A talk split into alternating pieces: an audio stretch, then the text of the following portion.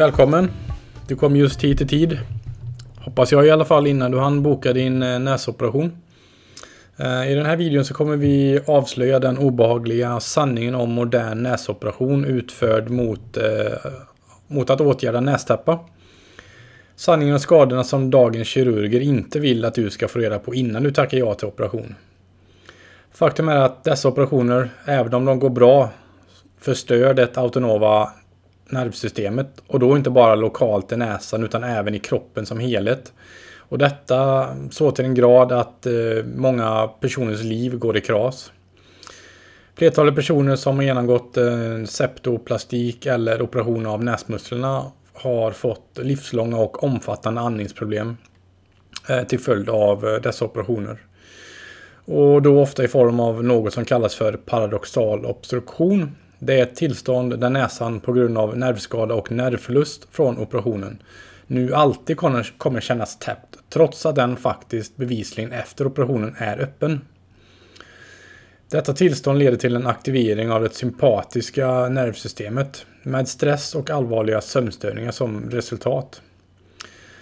Därtill ska också nämnas att eh, dessa operationer ofta leder till problem med kvarvarande slemhinna i näsan. Så den operationen handlar alltså inte bara om vad som tas bort under operationen och vad som förstörs under operationen. Utan det handlar också om vad som lämnas kvar i näsan. Efter en aggressivt utförd operation av näsmusklerna eller näskulväggen så torkar lätt eh, kvarvarande slemhinna ut. Och detta är något som leder till degenerering av slemhinnan där inte en alltför ovanlig konsekvens är återkommande infektioner av näsans slemhinna. Infektioner som vanligtvis förstör slemhinnan ytterligare. Slemhinnan blir ofta så torr på sikt att drabbade personer får mycket stora problem och vistas i normala miljöer utan mycket stora obehag och smärta från näsan. Man får använda luftfuktare och eh, man blir känslig för eh, dofter och partiklar och rök. Och situationen blir heller inte bättre av att kirurgerna undanhåller skador och konsekvenser innan operationen. De enda riskerna som nämns det är risken för blödning och risken för infektion i samband med själva operationen. Alla långtgående och irreversibla konsekvenser av operationen som ofta är garanterade att få, ja, de utelämnas helt för att inte skrämma bort patienterna och för att inte få jobbiga extra frågor och svara på inför operationen.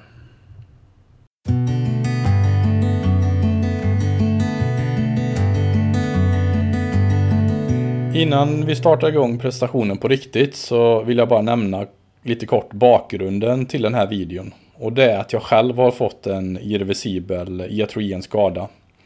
Eh, och jag gjorde bara en helt vanlig, jag skulle göra en operation av eh, nässkiljeväggen. Och eh, några år senare så gjorde jag en, efter att jag hade uppmärksammat att jag hade omfattande problem under en tid, så gjorde jag en röntgen och fick då reda på att även mina näsmuskler till största graden var bortopererade. Eh, så att det är alltså bakgrunden eh, till det här. Och ja, jag har lagt några tusen timmar nu eh, på detta. Jag har processat ärendet hos LÖF och hos IVO. Hos jurist. Och ja, jag har forskat mycket kring det. Och syftet med den här videon nu är att ja, lära er andra vad jag har kommit fram till och skydda er andra från att hamna i samma situation som jag har hamnat i. För mitt liv är eh, oerhört förstört av den här grejen. Jag kan inte eh, jobba längre, jag kan inte fungera, jag kan inte sova längre. Jag har hela tiden obehag och smärta från näsan, stora problem med andningen och sådär. Så att, eh, ja. Så låt oss gå vidare och den skada jag nu kommer berätta om det kallas för Empty Nose Syndrome i litteraturen. Jag föredrar dock själv att kalla det för iatrogen nasal dysfunktion eftersom Ja, MTNOs syndrom det ger en felaktig bild av att näsan måste vara tom på organ för att man ska kunna få det här tillståndet. Och det är helt fel. Eh, en person som har genomgått operation av eh, näsmusslorna näsmusklerna och eller nässklyväggen kan ändå ha fått tillståndet trots att huvudparten av näsmusklerna är kvar. Och det kommer jag förklara lite senare varför, varför det kan bli så. Så en bättre benämning på det här tillståndet hade därför varit iatrogen nasal dysfunktion efter, eftersom e, iatrogen betyder skada orsakad av vården. Så ja, hela begreppet iatrogen nasal dysfunktion beskriver därför orsaken till tillståndet bättre. Det vill säga namnet visar på att det är en dysfunktion av näsan och dess organ till följd av en vårdrelaterad skada. Och i detta fall då specifikt till en näsoperation. Så men ja, för, för enkelhetens skull eh, så kommer jag ändå kalla tillståndet för empty nose syndrom. Det är det som man hittar mest på om man söker i litteraturen. Och för att göra det enkelt i fortsätta videon här så kommer jag använda förkortningen ENS. ENS det är ett mycket allvarligt tillstånd som inte bara påverkar näsan lokalt utan hela kroppen. Detta både då på ett fysiskt och ett psykiskt plan. Tillståndet ja, det kan med stor sannolikhet uppstå om en kirurg utför en för aggressiv operation av näsmuskler och eh. Där för många sensoriska neuroner bränns sönder. Eh, ja, eller om de skadas eller klipps bort från näsans slemhinna. Tillståndet är alltså huvudsakligen nervrelaterat. Det finns också andra bidragande orsaker som vi kommer titta lite mer på längre fram i, i avsnittet här. Men i begreppet ENS i alla fall så omfattas flera olika problem där det mest karaktäristiska problemet är just paradoxal obstruktion. Och det här det är tillstånd där näsan på grund av nervskada och nervförlust känns täppt trots att näsan efter operationen bevisligen är öppen. Så personer som får detta tillstånd, de kan inte längre känna luftflöde i näsan. Så hjärnan får ingen information om att man andas via näsan, vilket leder till en känsla av lufthunger och andnöd. Som, ja, eftersom den är kontinuerlig, ihållande hela tiden, så är den mycket ansträngande och mycket jobbig för, för personen i fråga som har fått det. Andra saker som är vanliga vid ENS, det är eh, att man har en känsla av avsaknad av normalt luftmotstånd i näsan. Och det här leder till att andningen blir ytlig och uppsnabbad.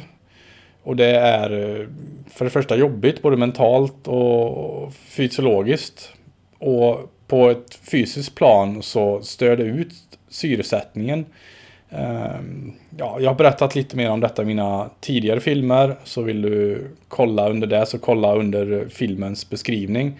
Så har du en, en film där, där jag förklarar mer om hur eh, uppsnabbad andning kan störa ut ehm, ja, koldioxid och syrenivån och dess mix och bland olika gaser i kroppen.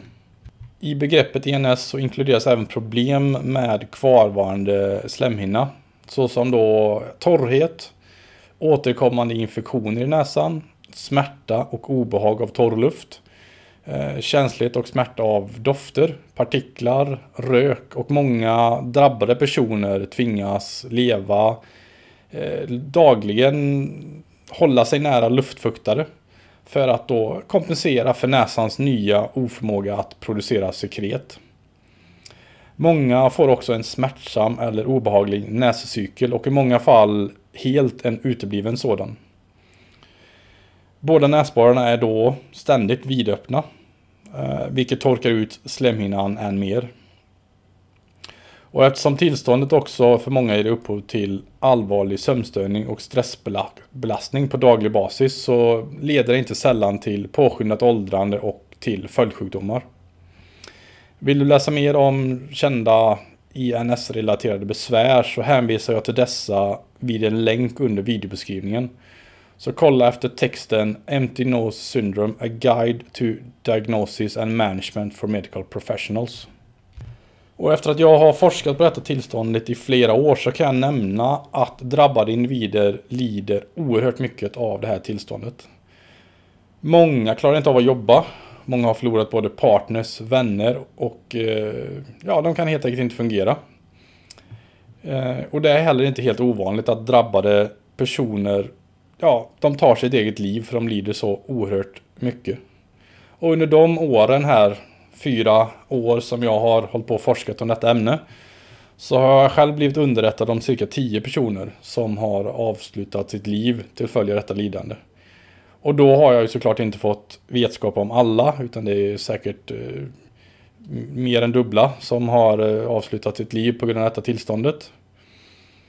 Och ja, problemet är ju att tillståndet i de allra flesta fall är irreversibelt. Och därför är bästa behandlingen för tillståndet att aldrig se till att få det från första början.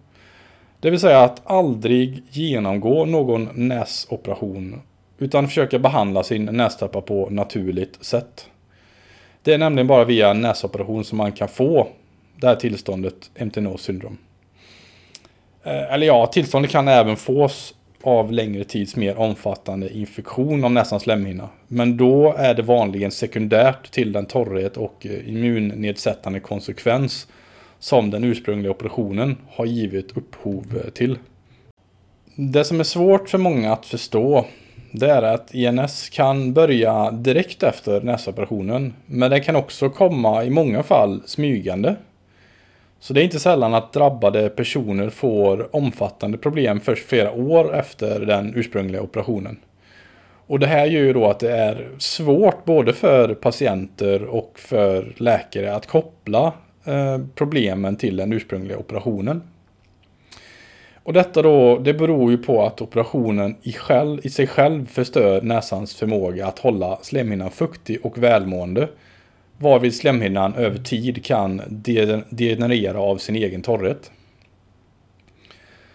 Och hur lång tid en sådan degenerering kan ta eller om den behöver uppstå överhuvudtaget. Det beror naturligtvis på hur mycket vävnad som har förstörts och om näscykeln fortfarande fungerar.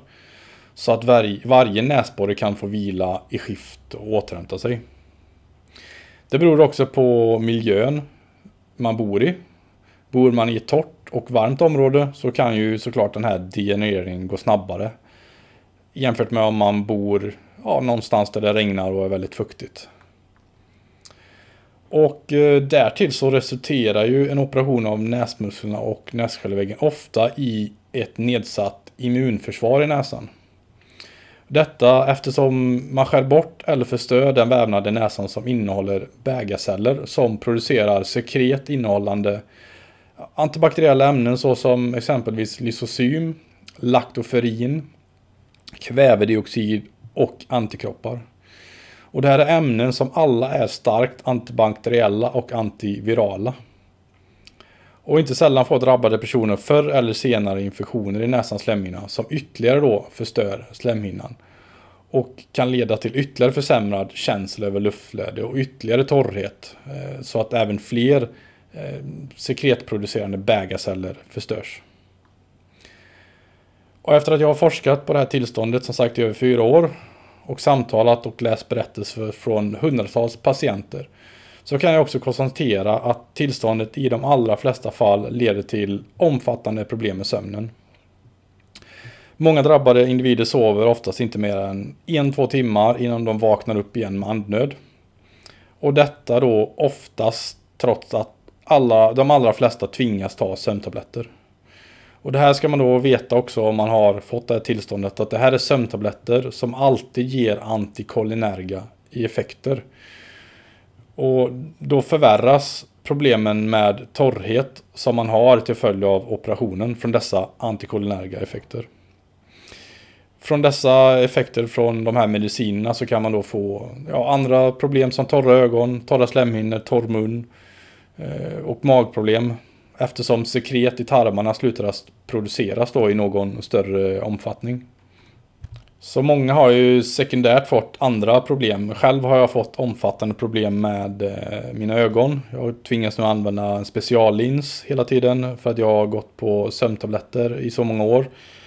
Eh, och de här sömntabletterna har eh, torkat ut och förstört ögonen då. Det som är lite speciellt med det här sjukliga tillståndet är att det endast kan fås till, till följd av operation. Men en del kirurger vill ju då hävda att dålig läkning efter operationen skulle ligga bakom. Så ja, man vill ju helt enkelt flytta ansvaret från kirurgen till patienten. Men det här är, ja, det är helt klart en lögn för att slippa ta ansvar. Utan tvärtom är det kirurgin som till 100% står bakom skadorna och problemen som uppstår. Och desto aggressivare kirurgen är under sin operation genom att skära bort, klippa bort och bränna sönder vävnaden i näsan, desto fler besvär och desto mer omfattande besvär får patienten sedan leva med. Och det här kan ju vara antingen direkt eller först några år senare då kvarvarande slemhinna har degenererat. Så det vi måste komma ihåg det är att kirurgen gör under operation det är att han skär eller klipper bort alternativt bränner sönder sensoriska neuroner i slemhinnan. Han bränner alltså bort och förstör de nerver som gör att individen kan känna luftflöde i näsan. Och det här är något som är viktigt för en behaglig och avslappnad andning. Och när sedan patienten då kommer tillbaka efter operationen och hävdar eh, då hävdar kirurgen ofta att, att en dålig läkning skulle ligga bakom. Och ja, jag vet inte vad man ska säga om det, men det är ungefär lika absurt som att hävda att det skulle vara patientens dåliga läkning som gör att han inte kan gå efter att hans vänstra ben har blivit amputerat. Och det här är ju såklart medicinsk gaslighting av högsta klass. På samma sätt som att det är medicinsk gaslighting att påstå att näsmusklerna faktiskt är kvar efter en eh, radiofrekvensbehandling och att det då skulle vara omöjligt att patienten nu i fråga skulle ha fått DNS. Man kan alltså få ENS ändå och det beror på att eh, de här eh, nerverna på ytan bränns sönder. Eh, de, det, det bildas ärrvävnad istället och ja, vävnaden är i princip död efter den här behandlingen. Så låt oss nu gå vidare och titta på nästa ämne. Vi ska titta lite här på hur öron, näsa, halsmottagningen fungerar. Jag känner att det är mycket viktigt för, för dig som patient att förstå innan du tackar ja till operation. Eh, det som är lite speciellt då när man som patient besöker sin lokala öron, och halsläkare. Det är att han eller hon huvudsakligen inte är en allmänläkare specialiserad på just näsan som från grunden vill utreda orsaken till en nästäppa på systemiskt kroppslig nivå. Istället är de personer man från start får träffa oftast kirurger själva. Och ja, det är ju kirurger vars huvudsakliga tjänst på avdelningen går ut på att operera just nästäppa och lite, ja, lite oavsett om det behövs eller inte.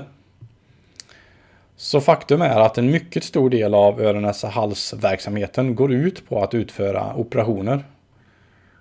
Och ja, alltså hela, hela verksamheten i någon mån bygger faktiskt på det här. Ehm, och för att få behålla sin årliga budget från staten så krävs det att ett visst antal patienter årligen opereras för nästäppa. Skulle det bli färre och färre sådana operationer varje år för att man berättar ärligt risker och konsekvenser med operationen. Så ja, vad händer då? Jo, budgeten till avdelningen kommer såklart över tid gå ner. Vilket leder till uppsagda tjänster bland kirurgerna. Så att eh, ja, det finns ett ekonomiskt intresse här. Eh, och eh, man ska också känna till det att många kirurger numera är konsulter. Och säljer sina tjänster till sjukhusen. Så de har ju alltså ett personligt vinstintresse i att dra in så mycket pengar det bara går till sina egna bolag. Och då göra så många och så omfattande operationer som möjligt. Och till detta så ska man också veta det att de högst utbildade personerna på avdelningarna det är också de som får chefspositioner. Och eftersom kirurgerna i de flesta fall är de personer som har högst utbildning så är det också de som blir chefer i de flesta fall. Och det här leder ju då till att verksamheten tiltas ytterligare mot mer operation. Så att konsekvensen av hur verksamheten är uppbyggd, konsekvensen att allt riktas så mycket operation, ja, det blir tyvärr omfattande och negativt för den enskilda patienten. Detta just då eftersom man vill se ett stort antal patienter operera sig. Och på grund av målet att operera en stor del av besökande patienter så avstår man alltså från att utreda den verkliga orsaken till nästappa innan man föreslår operation. Och detta det är väl eftersom en sådan undersökning antagligen hade resulterat i att minst 90% hade kunnat undvika operation genom att behandla sin nästäppa på ett naturligt sätt genom exempelvis kost, kostomläggning. Det finns många orsaker till nästäppa som har systemiska orsaker i kroppen eh, och som går att åtgärda utan operation. Och syftet med denna video det är inte att redogöra för alla dessa orsaker. Utan här får man själv samla in information inför sin eventuella operation men jag tänkte ändå att vi kort ska nämna några vanligt förekommande orsaker till nästäppa innan vi går vidare. Och några sådana orsaker är exempelvis allergi. Då är det alltså IgE eller IgA-medierad. Det kan också vara födoämnesintolerans med IgG-aktivering. Inflammatoriska tillstånd i kroppen såsom autoimmuna sjukdomar. Och här har vi ju en rad. Eh, de flesta välfärdssjukdomar idag har ju en autoimmun komponent. Så det är ju väldigt många. Exempelvis ulcerös kolit, Crohns, eh, olika reumatiska tillstånd är också eh, sådana här autoimmuna sjukdomar. Sen kan det vara mögel, det kan vara damm, pollen eller andra irriterande kemiska ämnen i din närmiljö. Och tillståndet med nästappar kan också bero på hormonförändringar i kroppen. Och det är framförallt vanligt under kvinnor under graviditet då eh, just nivån av östrogen går upp. Likaså kan nästäppa bero på att det finns en brist på DAO-enzym. Och det är alltså ett enzym som bryter ner eh, histamin. Och histamin är ett ämne som leder till eh, nästäppa. Eh, ja, det leder rent generellt till inflammation. Och därtill är ytterligare en orsak till nästäppa långvarigt bruk av nässpray. Nässpray i sig själv irriterar slemhinnan och över tid så kan den avsvällande effekten leda till att det blir en brist på näring och blod och syre i vävnaden och då kan helt enkelt eh, nya blodkärl börja växa in i slemhinnan. Så att det här är något man ska akta sig för och använda nässpray för länge och för mycket. Och sen dessutom då de konserveringsmedel som används i nässpray har, har i studier utanför kroppen visat sig ha cellskadande effekter. Vilket då såklart kan irritera och förstöra slemhinnan. Eh, och sen ja, vidare, många individer är ju heller inte medvetna om att viss mat och dryck kan leda till nästäppa. Bland vissa individer i alla fall. Exempelvis på sådan mat och dryck som innehåller höga halter av ehm, Ja, det kan vara exempelvis höga halter av histamin, sulfiter eller tanniner. Generellt kan man tänka att mat som är lagrad har höga halter histamin. Exempelvis lagrad ost, tonfisk på burk, fermenterade mejeriprodukter Eh, och fisk och skaldjur som inte är färska, eh, konserverad mat, processat kött och så vidare. När det gäller dryck så är då vin och öl känt för att orsaka nästäppa. Eh, Därtill kan processad mat som ja, med dåliga oljor och friterat såsom pommes frites orsakar nästäppa sekundärt. Det är väl kanske inte den mest vanliga orsaken men, men sekundärt kan det orsaka en uppreglerad nivå av inflammation i kroppen. Och på det sättet kan det då sekundärt eh, förvärra nästäppa. Och samma sak händer om man äter födoämnen som man har antikroppar mot. Eh, I detta fall kan det då vara nyttiga födoämnen som orsakar problem. Eh, så att om man har en personlig intolerans mot dem så, så kan alltså även nyttiga födoämnen ge upphov till nästäppa. Så här rekommenderas därför att man privat utanför vården gör en intoleranstest. Eh, att man testar IgG antikroppar vill man testa snabbare allergireaktioner såsom IgE eller IgA så kan man göra det inom vanliga vården. Eh, men dessa reaktioner känner man oftast till eftersom man får en väldigt snabb reaktion efter man har ätit något eller utsätts för, för något specifikt ämne. Eh, men när det gäller just då IgG antikroppar så kan den här reaktionen komma allt från någon timme till någon dag efter exponering. Så att om man exempelvis har ätit någonting eh, ja, för två dagar sedan så kan man alltså få en reaktion idag. Eh, så därför är det oftast bättre att börja och testa dessa antikroppar först. Men det här kan man alltså inte göra via svenska sjukvården utan det här måste man göra privat. Så som du ser så finns det många naturliga orsaker till nästäppa som går att åtgärda utan operation. Men då öron näsa halsmottagningarna till stor del bygger på näsoperation så gör man såklart inga sådana tester. Eh, resultatet av dessa tester skulle ju med största sannolikhet ta bort många patienter från operationsbordet. Och detta vill man ju såklart inte. Eh, man vill inte det om man är utbildad kirurg och man vill tjäna sina pengar, man vill skära och jobba. Då vill man ju såklart inte utreda patienter från grunden och avråda dem från operation. Tvärtom vill man då istället uppmana till operation genom, och det kan man göra genom några riktigt fula tillvägagångssätt som vi ska kolla lite på, på senare. Hur som helst så är i alla fall budskapet från vården att den enda risken med dessa operationer som föreligger det är eh, risk för infektion och blödning. Och ja, tyvärr är ju detta då extremt långt från sanningen. Och faktum är att det oftast inte handlar ens om risker för skador och komplikationer utan om garantier för sådana. Alltså det handlar egentligen mest bara om vilken nivå av skador och problem man kommer få. Så jag tänkte nu det just dessa skador som vi ska gå vidare med här i avsnittet och eh, informera om. Just då eftersom vården själva inte vill att du ska få reda på detta.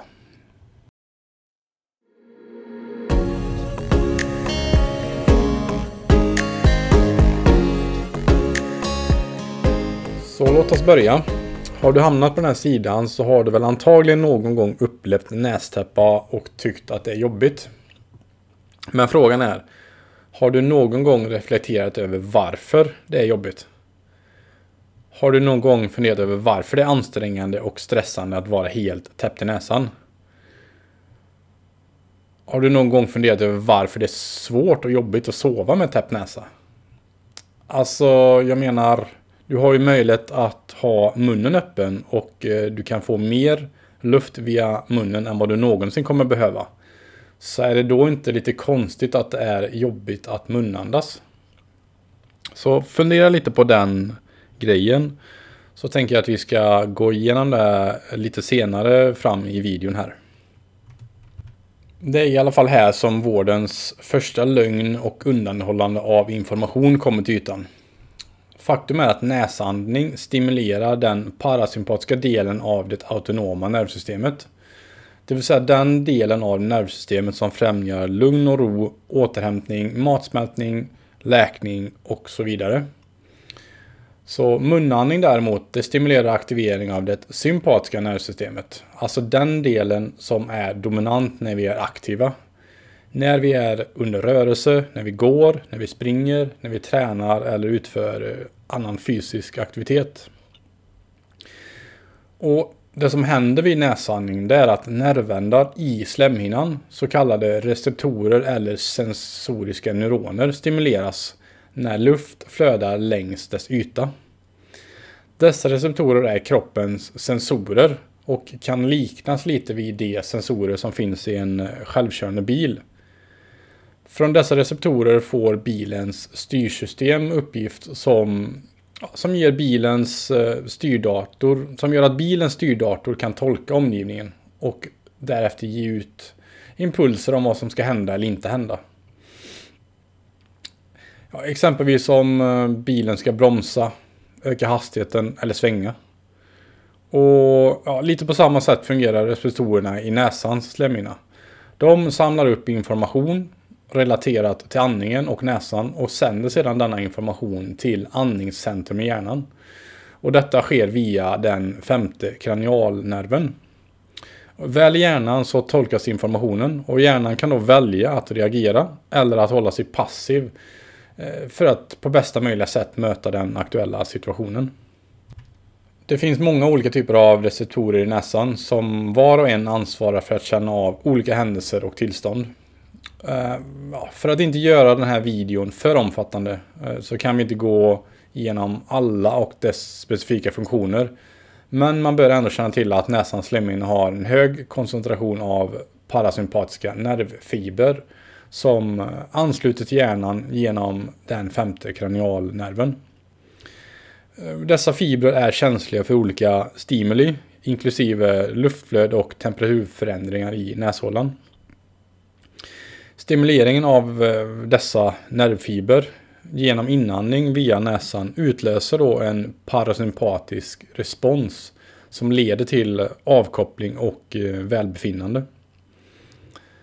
Så att andas via näsan kan således, det kan ses lite som en konstant avslappnande massage för hjärnan och för det eh, parasympatiska nervsystemet. Och ja, det är inte för inte som de flesta meditationer bygger just på djup eh, andning via näsan.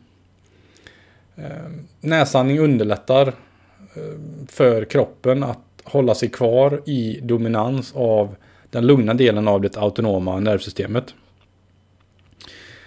Något som då det främjar läkning, återhämtning, matsmältning, det främjar sömn och avkoppling. Det har också visat sig i flertalet studier att eh, näsandning stärker den kognitiva förmågan. Ger ett bättre, en bättre beslutsförmåga och ett bättre minne. Och allt detta hänger då ihop med den mekaniska stimuleringen som sker av de parasympatiska nervfibrerna i näsan. När då just luft under näsandning flödar längs eh, slemhinnan. Så det man måste förstå då innan man väljer att göra en näsoperation det är att en, en, en näsoperation inte bara är en lokal operation inne i näsan som påverkar näsan i sig själv. Utan det är, är alltså en operation som påverkar hela det autonoma nervsystemet. Så ja, en näsoperation är alltså indirekt en operation på hjärnan och nervsystemet. Och det är såklart, den här informationen vill ju givetvis kirurgerna inte att du ska få reda på. Så vad händer då om man utför en operation på näskelväggen och eller näsmusklerna? Ja, även om kirurgen inte säger det så syftar all operation av näsmusklerna på att förstöra dem.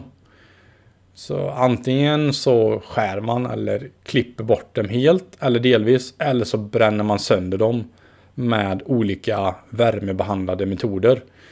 Eh, så att då vävnaden förstörs och sjunker ihop. Jag har tidigare gjort en eh, YouTube-film om hur de här olika värmebehandlade metoderna fungerar och eh, vilka för och nackdelar de har och på vilket sätt de förstör slemhinnan. Så att jag tänkte inte gå in så jättemycket på det här. Utan jag hänvisar istället till min tidigare lite längre föreläsningsfilm som jag har lagt här på YouTube. Och jag kommer lägga en hänvisning till den filmen under, eh, under beskrivningen här i YouTube för denna, den aktuella eh, YouTube-filmen. Men kort sagt så vill jag bara nämna att de sensoriska neuronerna som detekterar bland annat luftflöde, ja de sitter på ytan av näsmusklerna. Och när dessa bränns så förstörs även ytan där de receptorer sitter.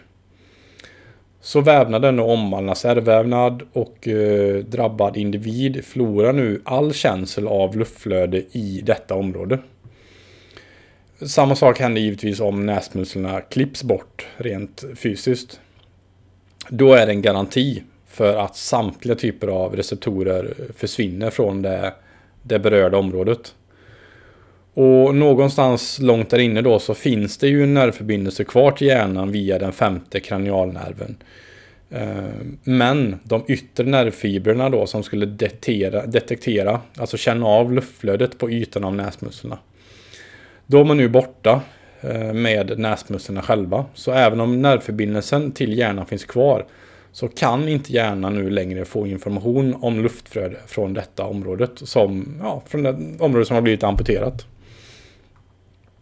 Så då kvarstår frågan, hur mycket vävnad kan brännas sönder och amputeras innan så många nervfibrer är borta så att hjärnan inte längre kan få en tillfredsställande signal om att andning sker via näsan? Ja, svaret på den frågan det vet patienten först efter operationen. Det finns ingen kirurg som på förhand kan ge någon garanti här eller berätta var din personliga gräns går. Hur mycket vävnad som, som kan förstöras eller inte. Och vidare på toppen av detta så ska man också känna till att näsmuskeln har andra funktioner som förloras och förstörs när de bränns sönder eller opereras bort. På ytan av näsmuskeln sitter även så kallade bägarceller som producerar sekret som innehåller antibakteriella ämnen. Sekretet håller slemhinnan fuktig och välmående och ser till att hålla infektioner borta från slemhinnan. Klipps näsmusslorna bort eller bränns sönder så förstörs eh, även denna förmåga.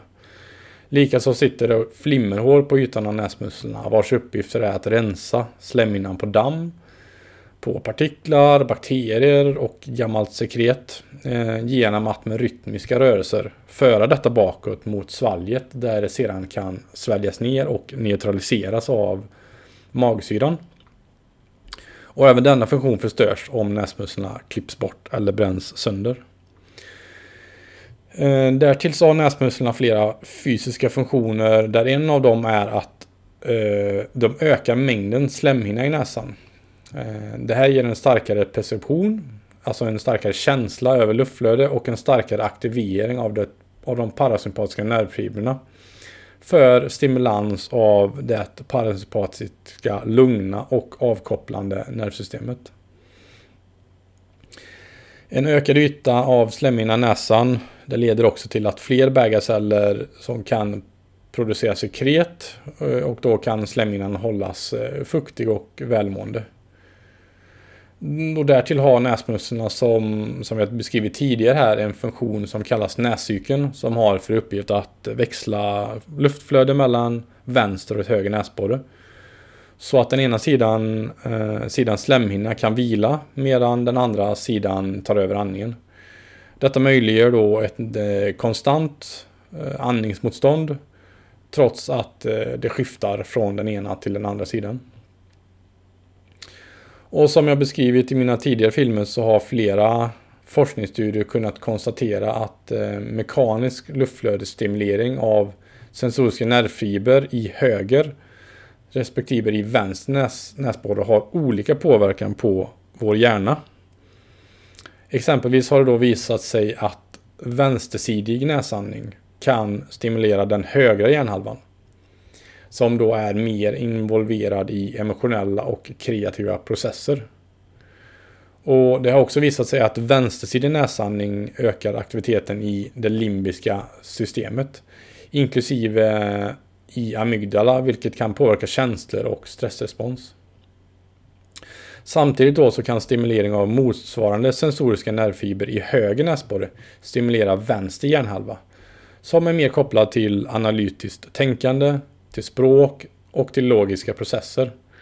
Och det har också konstaterats att eh, högersidig näsandning kan påverka aktiviteten i prefrontala cortex och i temporia portali-området. Eh, vilket kan påverka koncentration, uppmärksamhet och eh, kognitiva funktioner.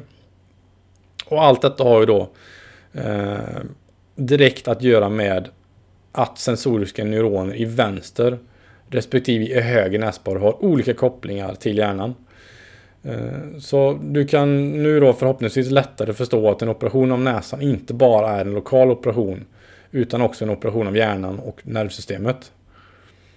Så, så ja, en operation på näsan kan faktiskt till och med förändra din personlighet. Hur du fungerar i viss mån och hur dessa, eh, ja, beroende på hur dessa sensoriska neuroner förstörs. Och jag kan själv bara konstatera efter flera tusen timmars forskning och efter att jag har samtalat med väldigt, väldigt många personer att eh, många som har drabbats av ENS upplever just problem med kognitiva funktioner såsom ja, uppmärksamhet, koncentration och minne. Så om vi då går tillbaka och svarar på den här frågan. Eh, varför är det jobbigt att andas via munnen om du är täppt i näsan? Ja, svaret på den frågan är helt enkelt att de sensoriska neuronerna i näsan som är kopplade till det parasympatiska nervsystemet nu i det täppta läget inte mekaniskt kan bli stimulerade av luftflöde längs slemhinnan. Så hjärnan berövas alltså då nervstimulering och nervsignalering och individen upplever därför andnöd och and, and, anspänning. Eh, och ja, Det enda man i ett sådant läge som individ kan tänka på, det, det vet ju de flesta att är man riktigt täppt i näsan så är det enda man kan tänka på att öppna upp näsan med nässpray.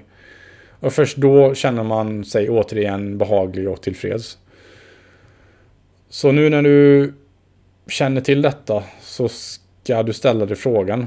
Är det då verkligen bra att gå in i näsan via operation och skära bort, bränna sönder eller på annat sätt förstöra dessa sensoriska neuroner? Nej, självklart inte. Det är fullkomligt idiotiskt.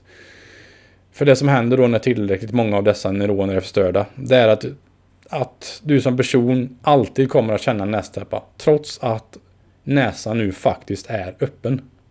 Ja, så att eh, för att gå vidare här då och kolla på lite eh, fler saker som kan förstöras när man opererar näsmusklerna.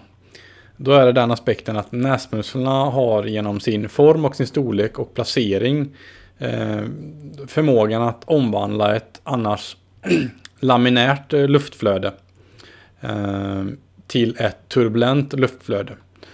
Och det sker då när, eh, när luften, inandade luften träffar den främre delen på, på näsmusklerna och då omvandlas det laminära luftflödet till ett turbulent flöde. Och fördelen med detta är att det turbulenta flödet det sprider doftmolekyler mycket bättre. Eh, som gör att man får ett bättre luktsinne. Och det ökar också kontakttiden mellan eh, luften och slemhinnan. Eh, vilket gör att den inhalerade luften hinner fuktas mer och värmas upp mer. Vilket är viktigt för ett korrekt gasutbyte i lungorna. Och näsmusslan ser också till att luften är varm och fuktig innan den når den bakre delen av näsan och halsen. Eh, och i det fall där näsmusslorna kraftigt har minskats ner eller skurits bort så, så har jag personligen pratat med många individer som får problem med att det blir torrt och smärtsamt längst bak i näsan och i halsen. Och vidare så minskar näsmusklerna den öppna diametern i näshålan. Det här skapar en eh, effekt som kallas för Venturi-effekten. Och det här är en effekt som gör att flödeshastigheten av inandad luft den ökar. Eh, och för att beskriva hur det går till så, så kommer luft in i näsan via den yttre delen av näsborren. Och här är diametern stor. Eh, I detta läge då, då är flödeshastigheten relativt låg. Och när luften i senare skede träffar den främre delen av näsmusklerna där diametern av näshålan, näshålan är, tack vare näsmusklerna är avsevärt mindre. Ja, då ökar flödeshastigheten. Och denna ökade flödeshastighet resulterar i en ökad aktivering av nervfibrer på ytan av slemhinnan. Såväl då som på, på näsmusklerna själva som på övre slemhinna som bekläder exempelvis nässkiljeväggen, näsgolvet och den laterala väggen. Och det här leder då till en ökad känsla av luftflöde i näsan och till en förstärkt aktivering av de sensoriska neuronerna. Och det som är viktigt att förstå då, klipps näsmusslorna bort eh, eller kraftigt minskas ner så sänks flödeshastigheten av luften. Alltså diametern blir ju avsevärt större, den öppna diametern in i näsan. Och nu så går då, eh, det blir alltså inget turbulent flöde längre utan det blir bara ett laminärt flöde. Och känslan över luftflöde, den går nu också ner då på, på den kvarvarande delen av slemhinnan som inte är bortopererad. Och det här kan ju då även bidra till eh, den andnöd som är så väl beskriven vid ENS. Så att det behöver alltså inte bara handla om att man har skurit bort och bränt sönder de här receptorerna utan det kan också handla om att eh, näsan blir så öppen och flödeshastigheten blir så låg så att de kvarvarande receptorerna eh, kan inte aktiveras. Eller så kan det vara att näsan torkar ut så mycket på grund av detta att eh, ja, och en torr nässlemhinna kan inte känna luftflöde. Och till detta ska tilläggas också att varje näsborre har tre näsmuskler. Eh, det är den nedre, den mellersta och den övre näsmusslan. Och luften fördelas här runt den mellersta respektive eh, ja, runt, runt alla näsmuskler. Och klipper man då bort eller kraftigt minskar ner exempelvis den nedre näsmusslan så kommer luften nu huvudsakligen ta den enklaste vägen mot lungorna. Vilket då är längst näsans golv. Så luftflödet upp mot näsans övre del, upp mot mellersta näsmusslan och upp mot septens svällkropp och upp mot den övre näsmusslan, ja det kommer nu att minska. Och huvudsakligen kommer det vara av laminär karaktär, vilket leder till en nedsatt känsel över luftflöde även i dessa områden.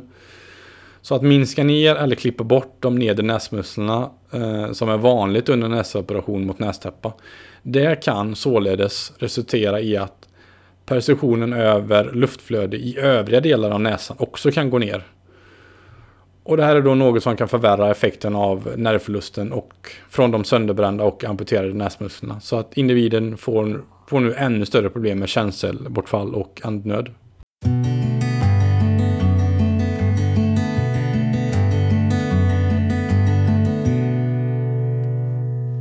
Så, vi har nu pratat om eh, operation av näsmusklerna och hur detta kan resultera i andningsproblem såsom eh, andnöd och stört flödesmönster i näsan. Vad vi ännu inte har pratat om är hur operationen av nässkelväggen kan ge liknande konsekvenser. Många tror ju felaktigt att det enbart är en operation av näsmusklerna som kan leda till andningsproblem, torrhet eh, och problem med ENS-karaktär. Men faktum är att all operation i näsan som påverkar slemman, slemhinnan kan resultera i nedsatt förmåga att känna luftflöde i näsan och det är just denna aspekt som är huvudorsaken till den andnöd som uppstår vid ENS. Så frågan är ju bara då hur mycket vävnad man kan förstöra innan problemen blir så omfattande att eh, hjärnan inte längre får tillräcklig information om att andning sker via näsan. Och en sak kan vi ju konstatera säkert här och det är ju att desto mer slemhinna man skadar oavsett om det gäller näsmusklerna, nässkelväggen eller övrig slemhinna i näsan. Ja, desto större är sannolikheten att näsan blir torr och utan känsel och desto större är då också sannolikheten att man får eh, empty nose syndrom av utförd operation. Och en kombinerad operation av näsmusklerna och nässkelväggen medför eh, avsevärt högre sannolikhet för problem med torrhet och känselbortfall eh, och således med kronisk andnöd än om man bara hade opererat exempelvis nässkiljeväggen i, i sig själv eller bara näsmusklerna. Och det man också behöver känna till det är att det är väldigt vanligt att en operation av nässkiljeväggen ofta kombineras med att delar av de nedre näsmusklerna klipps bort. Och inte sällan utan att patienten meddelas om det. Jag fick själv större delen av mina nedre näsmuskler bortopererade under, under en operation som bara skulle handlat om näskelväggen. Och det då utan min vetskap. Ingen, alltså inte ens kirurgen berättade att ett viktigt organ skulle opereras bort i samband med operationen av näskelväggen. Och samma historia har jag hört många, många gånger från andra drabbade patienter. Eh, ja, det var ju först då, som jag tidigare beskrev, när jag gjorde den här röntgen fyra år senare som, som jag insåg att eh, mina nedre näsmuskler var i stort sett eh, borta. Så låt oss då gå vidare och titta på hur en operation av näskelväggen kan orsaka ENS. Eh, för det första måste man då känna till att det är normalt att ha en sned nässelvägg. 80% av världens befolkning har Alltså en mer eller mindre sned näskelvägg och detta är normalt. Och de flesta är således födda så här. Och när man är född sådan, ja då anpassar näsmusklerna sin form och sin storlek efter det rådande utrymmet som finns i varje näsborre. Så att näsmusklerna de blir alltså mindre på den konkava sidan och större på den konvexa sidan. Och allt som oftast ger detta då ändå ett likvärdigt öppet utrymme för luftflöde i höger respektive i vänster näsborre. Trots att ja, den ena sidan är konkav på nässkiljeväggen och den andra sidan är konvex. Så att en sned nässkiljevägg är i de flesta fall inte orsaken till nästäppan man upplever utan Eh, det har andra orsaker eh, som, som jag förklarade tidigare här med allergier och så vidare. Men, men det här förklarar ju såklart inte kirurgerna. Så vad kan då hända vid en operation av nässkiljeväggen?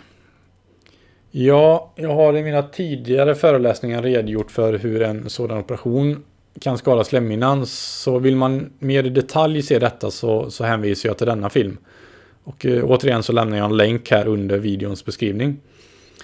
Men kort kan jag bara nämna då att eh, eh, några saker som har stor sannolikhet att ske.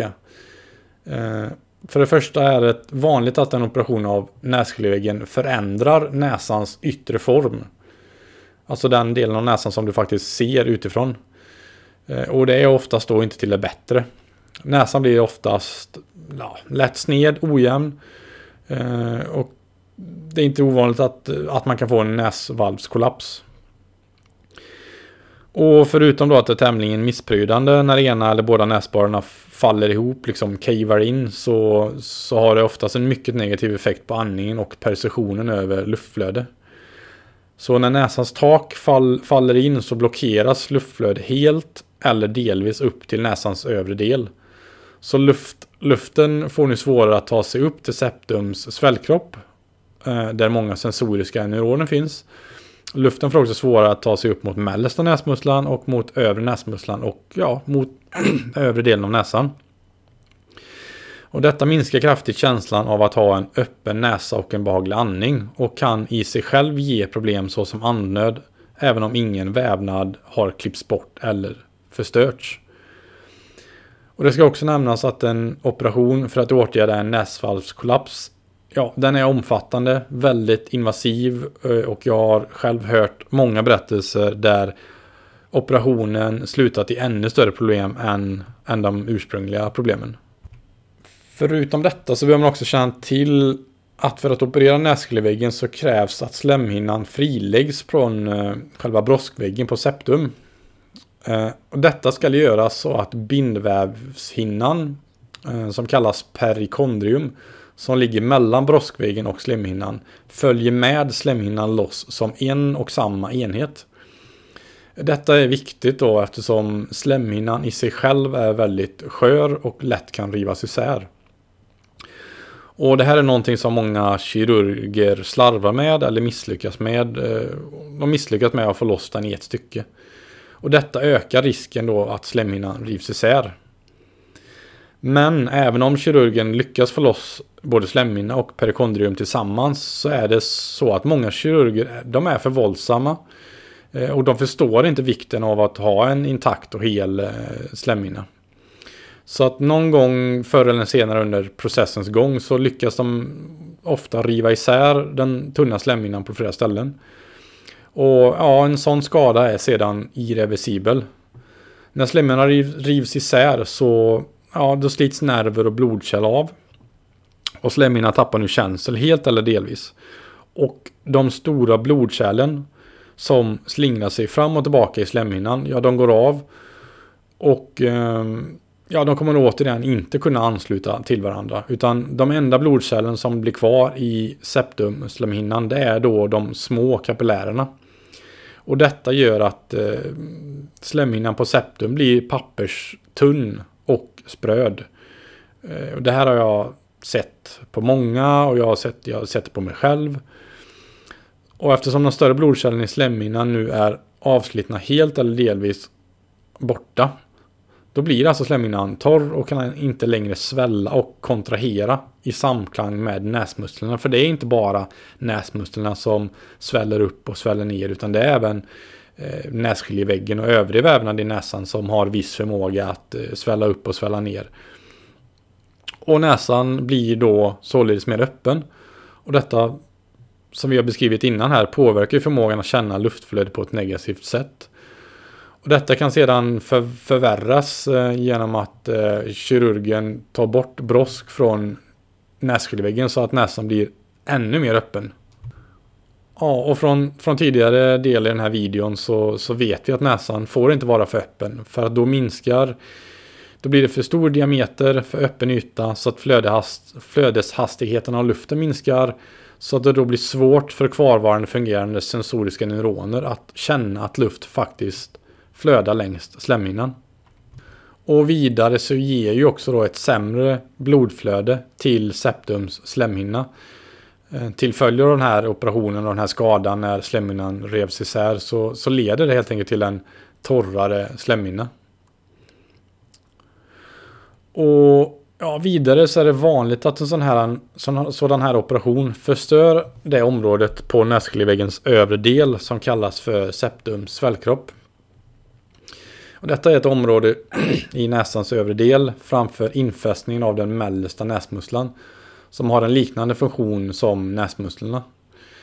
Området benämns faktiskt ibland som eh, näsans fjärde näsmuskla och det har rikligt med sensoriska neuroner som har en stor betydelse för att näsan ska kunna detektera och liksom känna av luftflöde så att individen får en behaglig upplevelse av andning.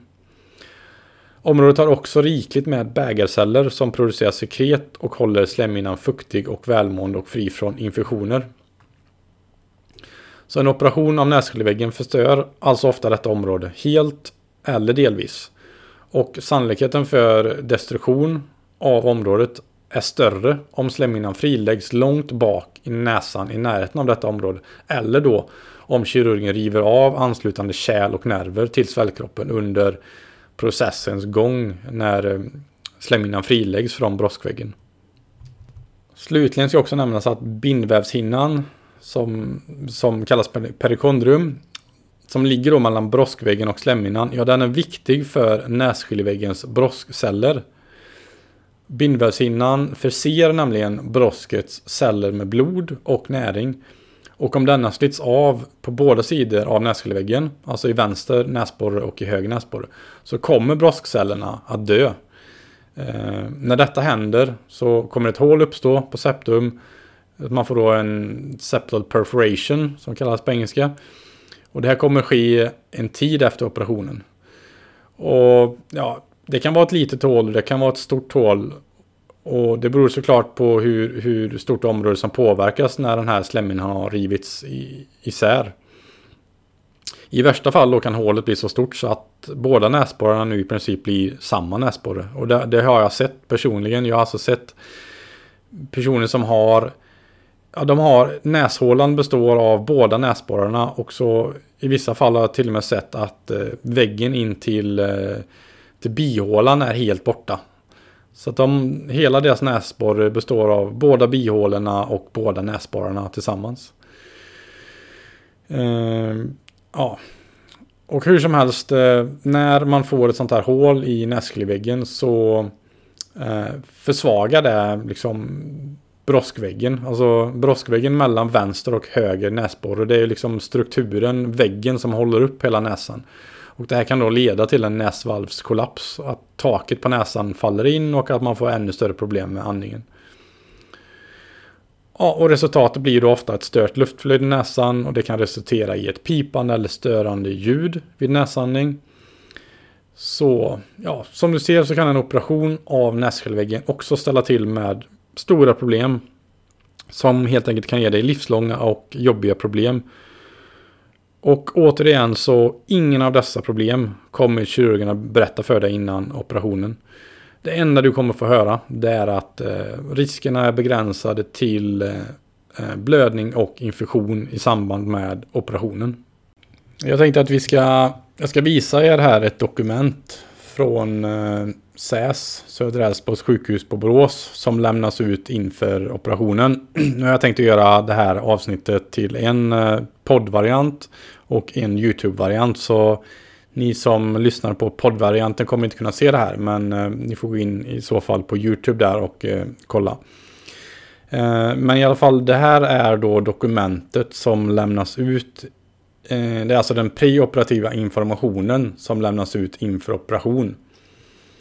Och eh, jag har kollat runt rätt mycket och likvärdig information eh, lämnas ut på andra sjukhus i Sverige. Eh, det är egentligen bara själv att gå ut på hemsidan 1177 och kolla där på respektive landsting och se på den preoperativa informationen som lämnas ut inför näsoperation. Och det är alltså samma sak. Det är typ tre rader, tre, fyra, fem, sex rader gällande risker och då står det bara att det är risk för blödning och eh, risk för infektion och om jag minns rätt, eh, nu har jag inte dokumentet framför mig när jag spelar in det här, men det, jag för mig också det står någonting om att man får feber, då ska man höra av sig till eh, sjukhuset. Men annars står det alltså ingenting då. Trots allting som vi har gått igenom här nu då, trots att det är liksom en garanterad skada man får. Man bränner bort eller bränner sönder näsmusseln eller opererar bort dem så är det ju det är ju inte, det är inte tal om att det är liksom en risk att få en skada här, utan det, det är ju en skada man får. Och det är ju väldigt konstigt då att man, att man kan underlåta sig och eh, berätta om det här. En sak hade ju varit liksom om sjukvården ärligt berättade om konsekvenser med den här typen av operationer. Så att liksom, ja, att patienten själv hade kunnat göra bedömningen om man vill ta risken och gå vidare eller inte. Men när man helt underlåter sig att göra detta för att få möjlighet att operera fler patienter. Eller när man underlåter sig att göra detta för att inte oroa patienten i onödan. För, för den storyn har man ju hört många gånger i vården. Att det är så, här, det är så himla farligt att oroa patienten. Då tycker de att då är det bättre att undanhålla information eller till och med ljuga. Och sen kan jag tänka mig att det är väl också de vill inte ha massa följdfrågor. Så då är det bättre att bara vara tyst liksom och inte säga någonting. Så att eh, nej, men när man gör så här så jag kan inte se det på något annat sätt än att det är ren misshandel som sjukvården ägnar sig åt. Frågan är ju bara då hur samhället och hur politiker kan tillåta att man döljer konsekvenserna eh, av dessa operationer inför patienterna liksom. Är det inte rimligt att, att, eh, att man som patient innan ingreppet får information så att, så att man själv kan, kan veta vad man ger sig in på? Eh, nedan bild här, eh, som, som vissa av er ser då, som kollar på YouTube-varianten. Så kan man se här en sammanställning av några eh, av uppföljningsstudier som har gjorts eh, efter näsoperation. Eh, I syfte att, av att avhjälpa nästäppa. Och denna sammanställning då, den är gjord av eh, läkaren Steven Hauser.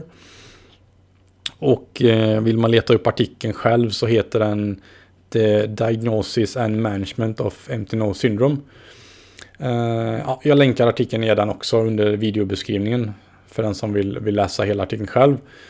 Men om vi då börjar titta lite på en av studierna där i. Eh, vi tittar specifikt på den som heter Moore et al 1985. Och här kan man ju då se att patienterna som hade fått hela de nedre näsmusklerna bortskurna hade fått omfattande problem eh, redan något år efter operationen. Eh, uppföljningen på operationen skedde under en period mellan 2 till 7 år efter operationen. Och resultatet, ja det är ju helt chockande. Det visar att 89% av alla patienter inom denna period hade fått problem med torrhet och skorpbildning i kvarvarande slemhinna. 66 % hade dessutom fått atrofisk renit till följd av operationen. Det är alltså ett degenerativt tillstånd där slemhinnan degenererar på grund av torrheten. Och vidare så hade 22% inom perioden fått osena. Som är en, en form av atrofisk renit men med illaluktande krustabildning i näsan. Ett tillstånd där man vanligen ser eh, bakterien Klebsiella som som orsak, eller ja, den är i alla fall där under tillståndet. Så summeringsvis så kan vi alltså konstatera att cirka 9 av 10 opererade patienter hade fått problem med torrhet och skorpbildning i kvarvarande slemhinna. Cirka 7 av 10 patienter hade fått atrofisk renit och cirka två av tio personer hade fått osena. Så Ja, hur kan det då vara okej okay att sjuk sjukvården ska utföra dessa operationer överhuvudtaget? Och framförallt, hur kan det vara okej okay att man får lura in patienter i dessa operationer utan att berätta om konsekvensen? När sannolikheten för att få dessa, ja den är ju så stor som mellan 20 och 90 procent. Alltså det här är ju modern lobotomi som, som måste få ett slut. Så ja, luras inte till att operera dina näsmuskler. Det, de är dina andningsorgan och du behöver dem. Alla däggdjur har näsmuskler. Och det enda däggdjuret som har fått för sig att operera bort eller ta bort dem, det är, det är människan. Så avslutningsvis ska vi nu gå igenom en metod som eh, kirurgen använder som ett eh, försäljningsargument för att lura oskyldiga människor till operation. Eh, nämligen att hävda att deras nästäppa beror på att näsmusklerna har vuxit sig för stora. Så stora att de måste opereras bort eller brännas sönder för att andningen ska kunna bli normal igen. Och frågan är då hur många andra organ i kroppen fortsätter att okontrollerat växa sig för stora? Jag vet inte, känner du till några? Nej, jag tänkte väl det. Alltså, det är inte så kroppen fungerar. Så, ja, låt oss nu gå in på hur denna process fungerar. Hur de har designat deras system för att lura in personer till onödiga operationer. Så det första man gör när man tar emot en ny patient det är i princip att man skickar dem på röntgen. Och på den här röntgen så konstaterar, konstaterar man sedan då en sned näsklivvägg. Eh, och då hävdar man att denna måste opereras. i många fall. Men som, som jag tidigare sa här, 80% av alla människor har en mer eller mindre sned näskelvägg. Men denna informationen undanhåller man ju då. Eh, så att då kan man peka på den här röntgenbilden och visa att eh, ja men titta här, du, du har ju en sned näskelvägg, den här behöver opereras. Och använder man inte detta sätt, lyckas man inte hävda detta och ändå vill få, få in en ny kund och operera, ja, då har man ett annat tillvägagångssätt. Eh, där man från samma röntgenbilder hävdar att den ena eller andra näsborrens näsmuskler är för stora och måste minskas ner. Det man säger med detta är alltså att näsans organ av någon okänd anledning bara skulle växa och växa och till slut bli så stora att de måste klippas bort eller brännas så att de sjunker ihop. Och nej, alltså det är ju naturligtvis inte så kroppen fungerar. Kroppens organ har ett, en förutbestämd storlek de får. De växer inte i all evighet. Vad som dock är grejen med näsmuskler, det är att, deras, det är att dessa organ de har en mycket tät struktur av blodkärl i sig. Som slingar sig framåt och bakåt, vars blodkärl kan kontrahera eller öka sin diameter på beställning av det autonoma nervsystemet. När så sker så har näsmusklerna en möjlighet att minska eller öka sin fysiska storlek, alltså flera gånger liksom sin, sin storlek i neutral, neutralt läge. Detta sker i något som kallas för näscykeln som vi har varit inne lite tidigare här på. Näscykeln fungerar på så sätt att näsmusklerna och slemhinnan i övrigt i ena näsborren sväller upp samtidigt som de i den andra näs, eh, näsborren kontraherar och minskar i storlek. På så sätt så skiftas då andningen mellan höger och vänster näsborre i skift som oftast är några timmar långa åt gången. Och därav kan man omöjligt ta en röntgenbild under bråkdelen av en sekund och samtidigt hävda att den ena näsborrens näsmuskler är så stora att de blockerar luftflödet på grund, och på grund av detta måste opereras. Det är dock exakt så man gör. Man utnyttjar här patientens okunskap till att hävda att den ena näsborrens näsmuskler bör minskas ner eftersom röntgenbilden visar att de är för stora.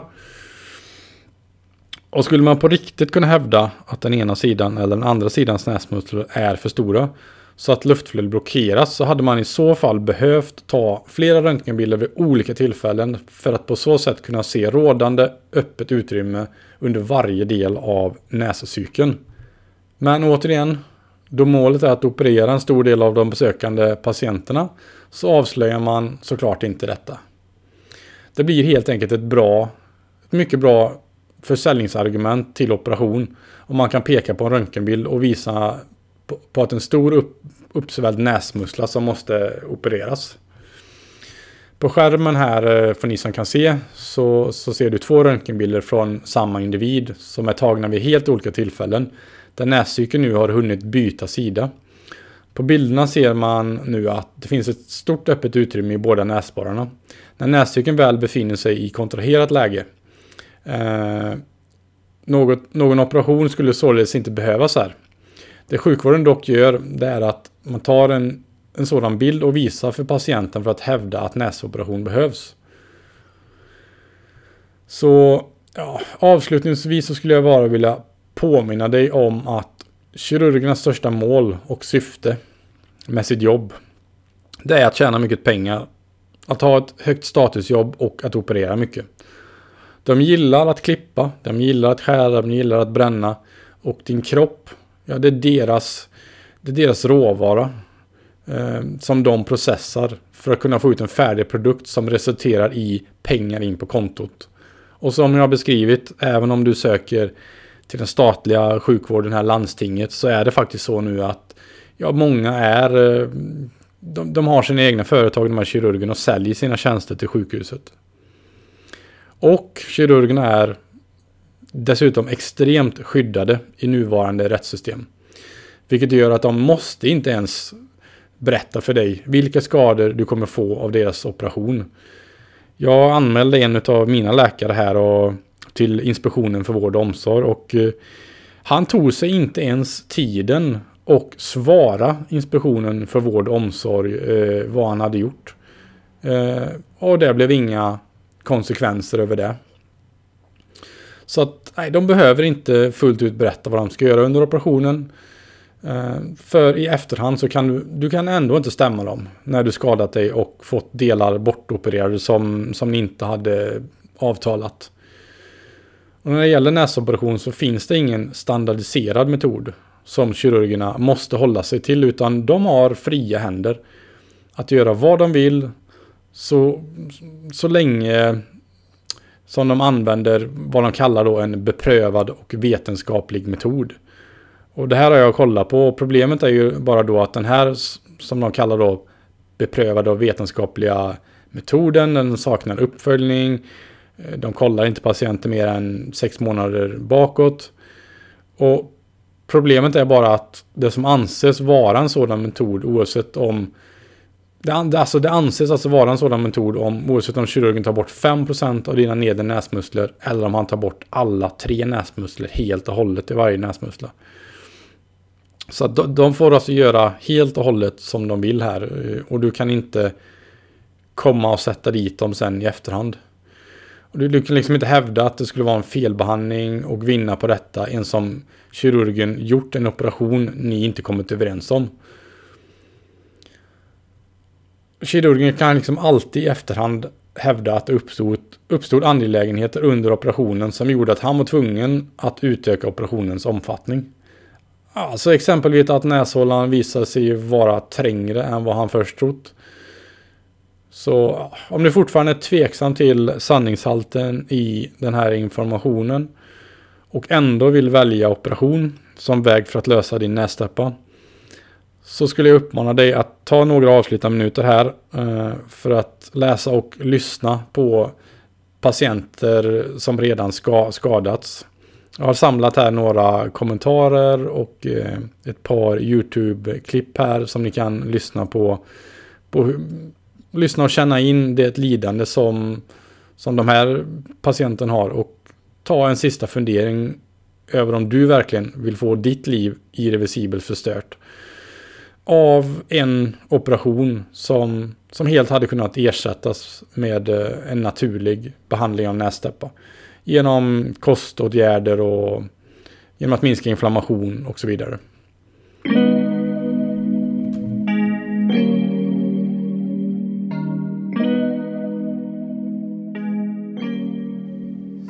Hello, Dr. Song. Hello, Jay. Hello, GNG. Here I'm in Germany in, uh, in, a hospital. They will try to make me better, but it's still not maybe not possible. I don't know. It's uh, flip a coin, and yeah, I suffered. I suffered day by day cause your surgery, Dr. Song you make two holes in my nose and now they, you can put a train inside or a truck and uh, I cannot sleep. I feel en- energyless and hopeless and I ask myself all the time why I come to Korea to GNG.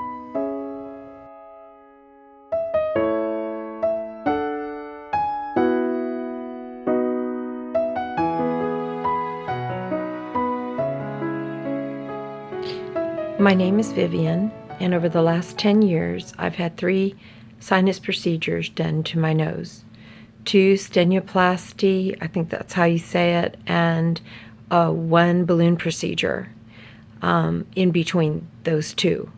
Uh, the last one was in 2013. I trusted my ENT to try to correct some things he said needed fixing from the last doctor. Um, he's the one that also did the balloon procedure uh, which was actually very extremely painful to me. And for some reason, I had a bad reaction and passed out during the test. Um, my um, experiences now have changed my life. I used to sing a lot and had more energy and didn't suffer the facial pain that I feel all the time now. Um, I have extremely dry nose syndrome uh, to the point of waking up numerous times in the middle of the night uh, which I had first, after surgery, woke up every 15 minutes for the first 26 days. Uh, when that finally passed, I now sleep sometimes two hours at a time. Uh, and then sometimes 15 minutes at a time.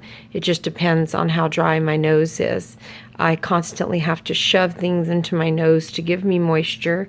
Uh, my septum area is bone dry, and I have serious nerve damage across the uh, base of my nose here and um, running up into my trigeminal nerve. Um, which I have been diagnosed now with uh, trigeminal neuralgia, um, I did have some uh, broken jaws during the surgery. I'm not sure what he was doing in there, but uh, during the surgery, he did break my jaws. Uh, both of them um, are extreme uh, pain uh, and trigeminal shooting that direction as well as through the top of the head. Um, I noticed that my breathing, even though I do not have but about 10 to 15 percent of my turbinates uh, cut, um, I'm suffering nerve damage in that area and that my breathing is very uh, shallow. Um, even though I can talk and I look normal, um, my breathing causes me to feel dizzy. Uh, most of the time, I don't feel that I'm getting the right amount of oxygen, even though my oxygen is showing fine on the little thing they put on your finger.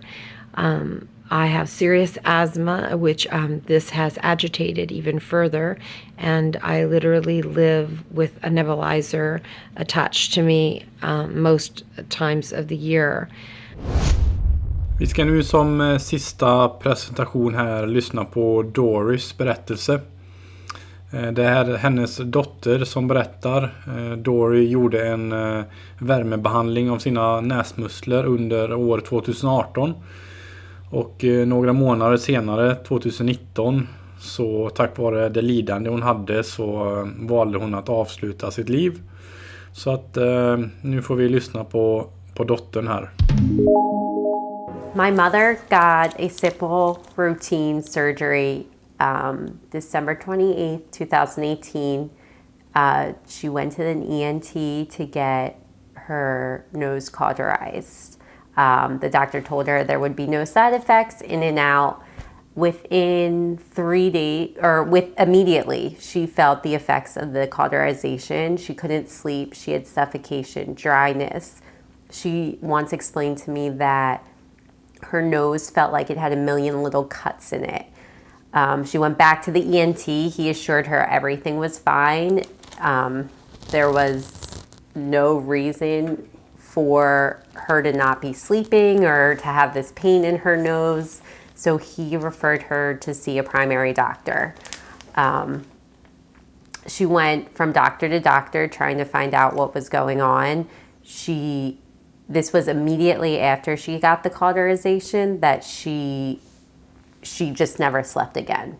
She would maybe sleep 10 minutes a night, half hour a good night. Um, she would see her primary doctor, who would refer her to a therapist, who would then refer her to a sleep specialist. They would prescribe anti anxiety medicine, advise that she had depression or anxiety. Um, that was her cause. They said everything physically was fine with her, and she had no reason to not be functioning or to be not sleeping she had she was very upset that she felt like they weren't taking her seriously. She felt that the doctors were prescribing her a prescription and wanted to be done with her. Um, she had no faith in actually the medical system because of this. She knew she wasn't feeling this right. I mean, she was 57 years old. She knew something was not right with her body when every doctor told her it had to be depression or anxiety, when she couldn't sleep or breathe. She couldn't breathe properly. She had constant suffocation. What was Dory like prior to this procedure? My mother was very active. She worked two jobs. She would, you know, love spending time with her family. She took our dog for a walk every single day. She um, enjoyed our company, enjoyed making us dinner every day. That was her favorite I would say that was her favorite time is to cook all of us dinner. My mom is the most loving, caring, best mother in the world. Um, she did everything for my um, my family, my husband and I, my brother, my dad.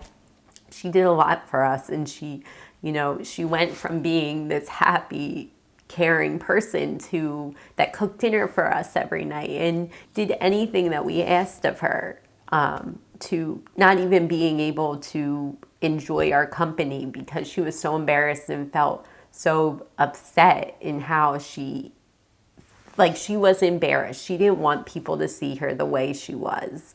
Um, she was amazing. And it it happened so quickly that she was herself. And then three months later you know within that short amount of time she changed so drastically.